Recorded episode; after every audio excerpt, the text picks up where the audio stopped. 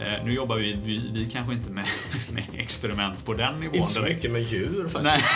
Det, det, det hade ju varit eh, kul kanske. Ja, men säg inte det. Det finns ju så här app- iPad-appar för katter och grejer. Så att, uppenbart finns det ju UX-designers som, som jobbar med, med djur eh, som en, en, en målgrupp.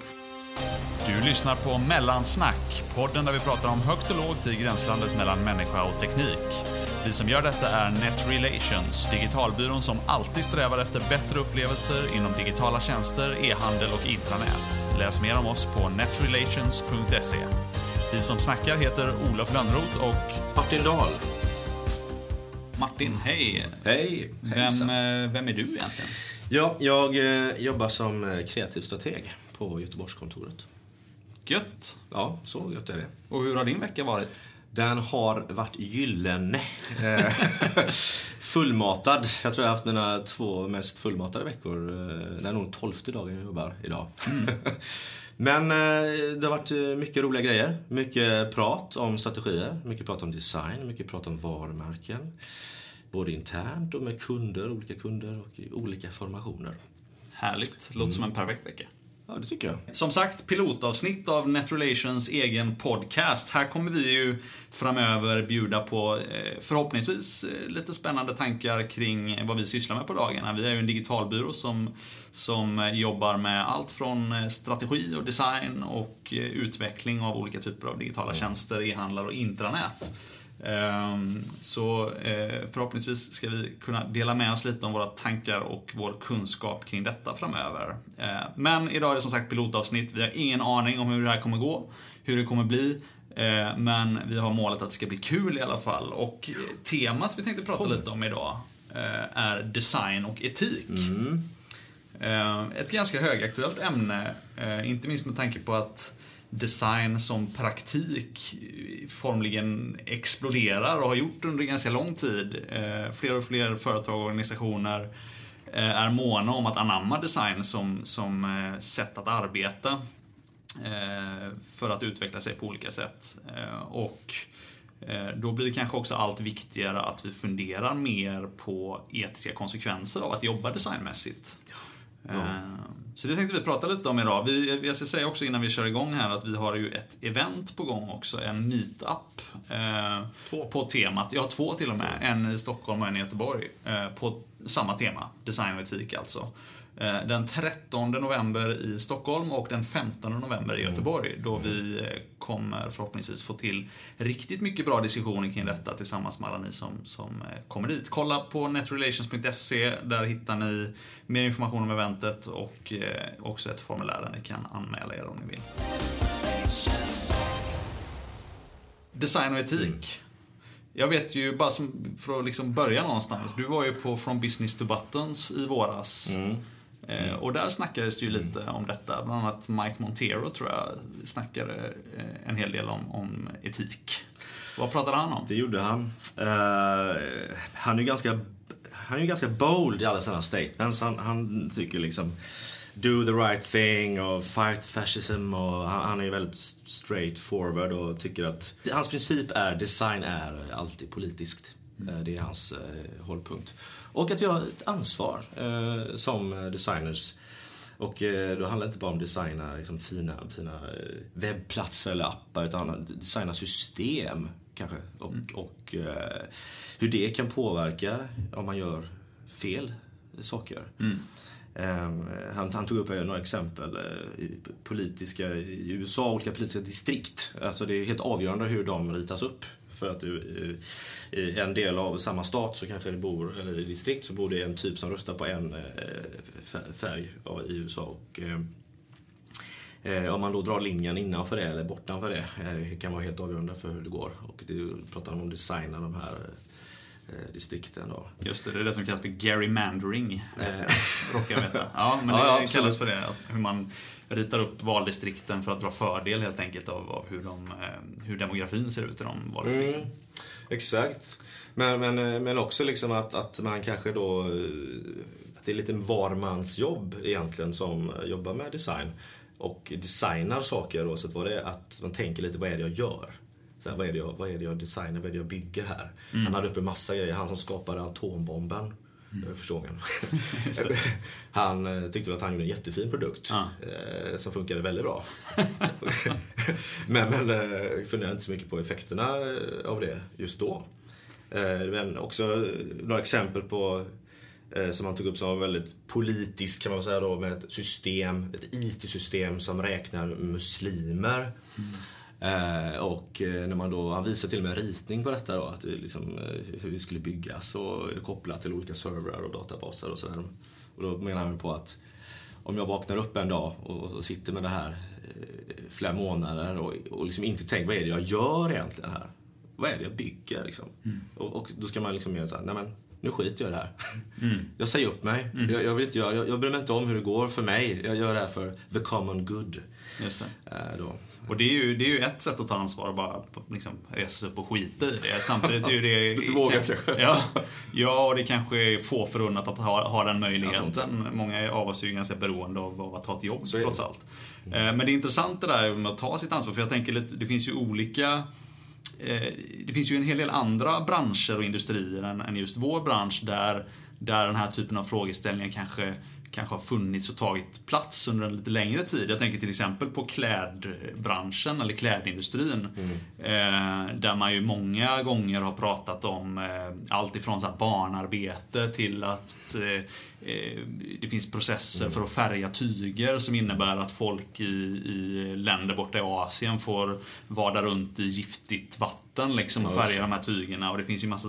Och det där tänker jag ju är i allra högsta grad saker som en, som en designer då av kläder och tyger mm. bör vara medveten om. Mm, eh, och, och, kanske då inte välja en färg på de här byxorna eller vad det är man designar som innebär att, att eh, mm. barnen i något land någonstans kommer bli utsatta för massa gifter på, eh, och, och, att barn inte ska arbeta överhuvudtaget för den delen.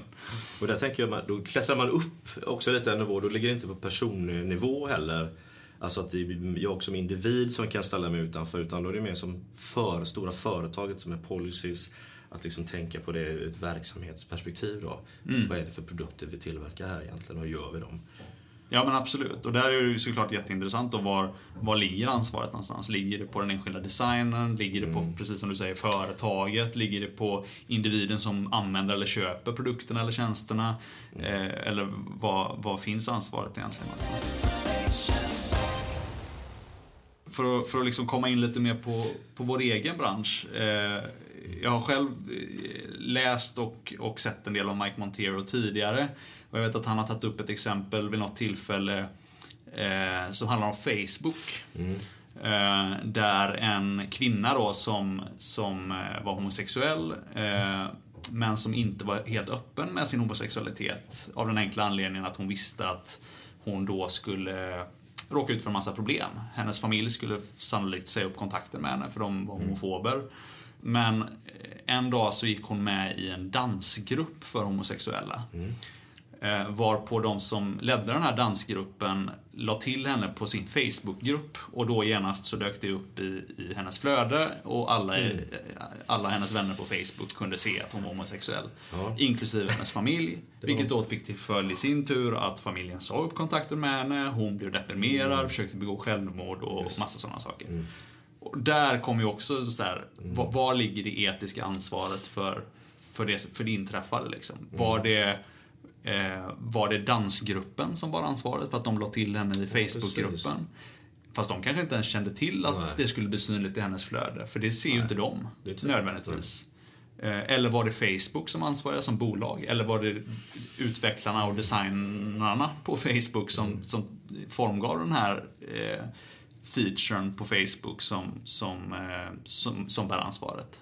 Ja, för jag tänker någonstans är det också svårt att man alltid som, som privatperson mitt i liksom all vardagsstress och, och, vad man än har ska alltid behöva tänka efter, stanna upp och tänka efter undrar var den här informationen hamnar om jag trycker på knappen. Mm. Uh, och, och de kanske var helt så här överlyckliga för att de hade fått en till medlem i sin dansgrupp. Mm. Och vi tyckte det var en jättebra idé att liksom, och publicera det. Mm. Av, av uh, rent egoistiska skäl. men ja. Eh, men eh, de, de, ja, jag, jag, tror inte att det, det, är inte så lätt att dra gränserna, eh, känns som.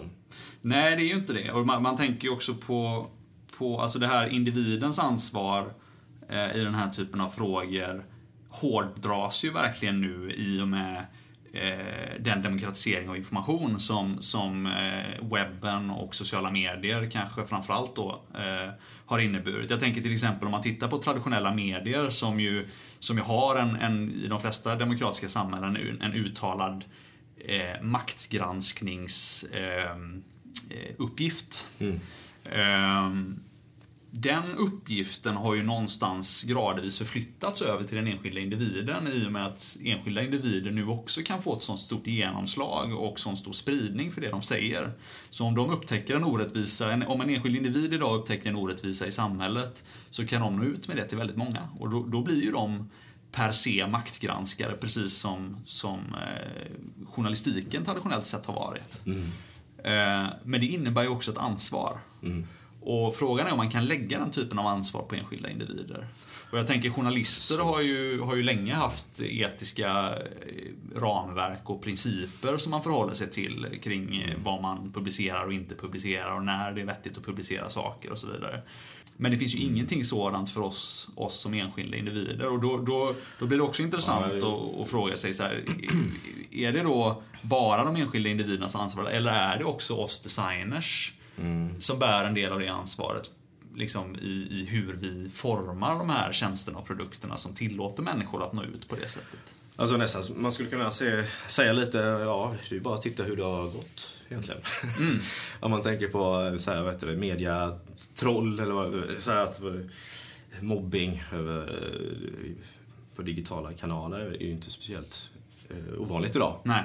Så att eh, det är väl liksom facit i hand så eh, funkar väl inte så bra egentligen. Att, att ge den kontrollen till var och en utan det blir som det blir då helt enkelt. Det, det är ju freedom of speech eh, på, på ena myntet och på den andra sidan är det ju att det är någon annan som kommer bli drabbad. Ja men precis, så man brukar ju prata om frihet under ansvar. Liksom. Frihet under Eh, ansvar, eh, var börjar moral? Precis. Eh, ja, det, det, det här, den här frågeställningen kan ju gå hur långt bak som helst. Typ som om uppfostran och i hemmet. Och, eh, och eh, ja, var börjar den någonstans? Mm. Eh, hade vi en diskussion på dagis här förra, förra veckan. Är det dagis eller är det familjen eller hemmet som står för uppfostran? Just det. Eller både och. Ja, det, men det, Kanske redan där är det svårt att avgöra vad en en kombination, Ja men precis. så att säga. Om man ska dra en annan parallell då till det vi sysslar med. Man pratar om design och design thinking i synnerhet så, så förespråkar vi ju ett liksom, hypotesdrivet och experimentbaserat sätt att arbeta. Eh, vi föredrar att eh, testa oss fram. Vi eh, jobbar med rapid prototyping för att ta fram en massa olika tänkbara lösningar på ett problem. Mm vi jobbar nästan lite forskningsaktigt i hur vi, hur vi definierar våra problem. Vi jobbar med datainsamling, vi eh, samlar in empiri med etnografiska, studier och så vidare. Och, och då kan man ju genast då såklart dra en parallell till just forskningsvärlden. Är det så man vill jobba så mycket? Där, man, ja, men och där jobbar man också med att samla in empiri och man jobbar också med att, att experimentera sig fram för att upptäcka saker och förstå saker på, på olika sätt. Och där har man ju jättestrikta etiska förhållningsregler kring eh, allt ifrån hur man behandlar eh, eh, forskningssubjekt då. Eh, eh, både i form av såklart personuppgifter och där kommer ju såklart GDPR och PUL och sådana saker in också. Men. Men, eh, men också såklart vad, vad forskning kan få för etiska konsekvenser och, och att man inte utsätter eh, människor för vissa typer av experiment och inte, man utsätter inte ens djur för vissa typer av experiment för att det anses oetiskt och så vidare. Eh, nu jobbar vi, vi, vi kanske inte med, med experiment på den nivån Inte så direkt. mycket med djur Nej. faktiskt. Det, det, det hade ju varit eh, kul kanske. Ja, men säg inte det. Det finns ju så här iPad-appar för katter och grejer. Uppenbart finns det ju UX-designers som, som jobbar med, med djur eh, som en, en målgrupp. Nåväl, nej men det jag skulle komma till i alla fall är ju att vi jobbar kanske inte med, med lika liksom, halsbrytande experiment som man gör när man utvecklar atombomber eller, eller läkemedel eller vad det nu kan vara för någonting. Men, men, eh, men det finns ju uppenbart en likhet i hur vi arbetar. Eh, jag- vill nästan sträcka mig så långt till att säga att Double Diamond som vi ofta pratar om i designvärlden är ju egentligen bara helt vanlig forskningsmetodik. GDPR sa du också. Det är Eh. en ny lag. det är en ny lag från EU, för de som inte vet. Eh, träder i kraft i maj nästa år. Eh, typ alla som jobbar med systematisk lagring av data och kommer i kontakt med personuppgifter har just nu ett fullt sjå med att försöka för, förstå sig på GDPR och vad det får för konsekvenser för olika verksamheter. Men det, det blir ju intressant för oss som jobbar med design, för vi, vi gillar ju att jobba datadrivet också. Eh, Exakt. vi gillar ju att veta saker, eh, gärna så mycket som möjligt, om våra användare. Där har jag en sån tanke som jag har tänkt mycket på när vi jobbar datadrivet. Om, om, vi, om vi liksom plockar bort etnografisk och kvalitativ data från, från ekvationen. För det gillar ju vi på NetRelations att jobba väldigt mycket med, med, med djupintervjuer och den typen av kvalitativa studier. Eh, Men man jobbar ju också med kvantitativ data. Det kan ju vara till exempel Google Analytics eller annan form av, av eh, statistik över hur, hur användare beter sig i olika kanaler. Ehm, Och den typen av data kan man ju använda för att dra vissa typer av slutsatser. Vi kan till exempel se hur många som klickade på någonting eller hur många som konverterade i ett visst flöde och så vidare. Och så kan, vi, kan man jobba med AB-tester för att optimera flöden och, och liksom hitta, eh, testa olika experiment för att hitta de mest optimala förhållanden som gör att så många som möjligt klickar på någonting. Det kan man ju använda, tänker jag, för att manipulera människor lite grann. Eh, det vill säga, vi kan experimentera oss fram med hjälp av AB-tester till att få folk att klicka på en köpknapp till exempel. Mm, som kanske aldrig annars hade klickat på köpknappen. Ja, just det. Hur gör man det? Eh, och, Vill man veta. ja, precis. Men det är Den också, gyllene knappen den, kallar vi den för. den gyllene knappen, exakt. Ja, det, det vill väl alla veta hur man, hur man bygger den gyllene knappen. Mm. Men, men det är ju också någonting som, är, som- får etiska konsekvenser. Och, och om man får folk att liksom klicka på saker som, som de egentligen inte borde klicka på. Så först blir de hypnotiserade via webbsidan. Och sen, sen dyker knappen upp och, så, och då Exakt. klickar man på det. Och sen vaknar man upp och undrar. Måste klicka! Man vet att man har gjort någonting men man förstår inte riktigt så här. Att man har köpt en ny hästens säng fast man egentligen inte vill ha den. Nej, exakt. Men vad, vad, vad tänker du kring det Martin? Är, vad, så här, ska, är, är, det, är det vettigt att jobba så? Eller? Eller, eller vad, liksom, vad ställer det för Lura krav folk. på? Nej, men man lurar kanske inte folk, men, men det är ju någon form av så här...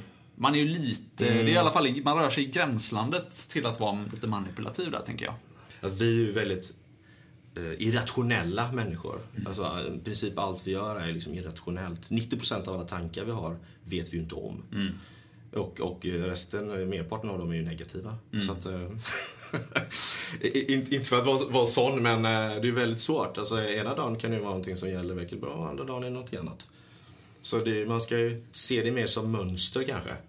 Och, och kanske att man lär sig någonting över tid. Mer än att bli väldigt, väldigt exakt. Vad hände just idag? Idag gillade bara 75% den blåa knappen. Då kommer det alltid vara blått. Man ska vara lite försiktig med det tror jag. Och jag tänker för att kunna röra sig liksom ovanför den nivån så, så krävs det ju nästan att man jobbar med, med just kvalitativa studier också. Eh, för det är ju då vi faktiskt förstår varför någonting är som det är. Det är, Ja, då, vi, precis. det är då vi kan upptäcka just varför det var den röda knappen som var bättre än den blå eh, den ena dagen och inte den andra dagen och så vidare. För då, då lär vi ju faktiskt känna individerna och, och människorna som någonstans eh, ja, som använder det vi skapar helt enkelt. Mm. Ja, man kommer lite närmare kärnan. Pudelns Ja. kärna. Men kan vi, det, det är väl någonting vi skulle kunna slå fast att kvalitativa studier är en förutsättning för att man ska kunna vara användarcentrerad på riktigt. Det jag skulle vilja göra en studie på, om jag var forskare, det är att se så här, hur många empatikartor eller kundresekartor eller upplevelsekartor eller eh, olika typer av, av eh, eh, leverabler från användarstudier i, i designvärlden innehåller de här grundläggande primala drivkrafterna som, som människor har och behoven. Eh, för det man nästan skulle kunna göra är en sån här grundläggande, sorts sån här baseline human empathy map. Ja. Som inte har med någon viss målgrupp eller någon viss typ av människa att göra, utan som beskriver det allra mest grundläggande och som man alltid har som någon sorts fond för eh, när man designar. Jag skulle kalla det, jag tänker så här, reptilresan. alltså, vi snackar om reptilhjärna, alltså det här Ja. som styr. Det är ju tre grundläggande grejer. Det är ju, det är ju sex, mat och fara. Ja, men typ så. Som ja. går att liksom, ja, lite st stora kan man ringa in dem till. Mm, Eh, som styr grund och botten hur vi reagerar på olika saker. Ja, men precis. Men Ja. intressant, det skulle man kunna ha. Ja, men precis. Och jag menar, Var kommer man, sex in i liksom, eh, kundresan? Mat. ja, det blir väldigt freudianskt väldigt snabbt känner jag. Eh, dit vill man kanske inte... Nej, men jag, jag skämt åsido, men det är intressant att, att ta och, och liksom bara fokusera på, på en, en annan bild och se vad, vad det leder till. Absolut. Vad kan vi göra? Vad, vad tänker du Martin? Vi som jobbar med design och, och, och strategisk design och tjänstedesign och UX-design. För att bli lite mer etiska och förhålla oss lite mer till etik när vi, när vi gör det vi gör. Jag, jag satt och funderade på, jag tror att man måste förstå vilket kontext eh, det som designas ska användas i. Eh, och att alltid gå tillbaka till det. Varför finns den här produkten? Varför finns den här tjänsten? Eh, hur ska den användas? Och när på den här vägen, när man använder den här produkten och tjänsten, eh, kan man råka ut för, för olika saker eh, som, som ur emotionellt perspektiv då tänker jag då, va? för det är väl lite mer e- etiskt där man liksom drabbas som män, jag som människa eller person blir kränkt på, kanske på något sätt. Att man vill mappa in det i hur en produkt eller tjänst nu, bara tänker jag samtidigt som jag pratar. och, och, eh, men, men så tänker jag man skulle vilja göra lite då. Alltså sätta in den i, i, i, i ett flöde där man har de parametrarna istället och titta på dem. Jag, ja, men precis. Alltså jag, jag, jag är inne på något liknande. Jag tänker mycket på så här, vi, vi har ju ganska mycket modeller och verktyg som vi använder oss av för att på något sätt definiera vilken impact det vi skapar ska få. Men de, de modellerna och de verktygen sträcker sig ofta bara så långt som till, till eh, målgruppen och, och eh, liksom värdet för affären eller organisationen eller verksamheten som det här ska, ska understödja någonstans då. Men vi är ganska dåliga på att zooma ut och se på det liksom ur ett bredare perspektiv utanför det. Jag menar, om vi skapar ett visst värde till, ett visst, till en viss organisation eller till en viss grupp människor eller vad det nu skulle kunna vara för någonting. Vad får det för konsekvenser på ett bredare plan? Om, om man liksom lyfter zoomnivån och tittar på branschkontext eller samhällskontext. Eller, ja, branschkontext gör man väl i och för sig då med konkurrentanalyser och annat. Men låt säga samhällskontext eller global kontext till och med. Eh, och jag tänker företag som Facebook, och Google och Apple, de, de måste ju nästan tänka så. För de får ju globalt genomslag på, på några dagar så fort de har gjort någonting. Ehm, Ja. och, och då tänker jag att det samtidigt snabbt blir väldigt, väldigt komplext. Och där, där tänker jag att vi, vi som jobbar med design är ganska duktiga på att hantera komplexitet. Vi är ganska duktiga på att plocka ner det som är liksom kärnan någonstans, även fast det är, är komplexa problembilder. Men vi har inga verktyg och modeller för att titta på det ur det perspektivet riktigt.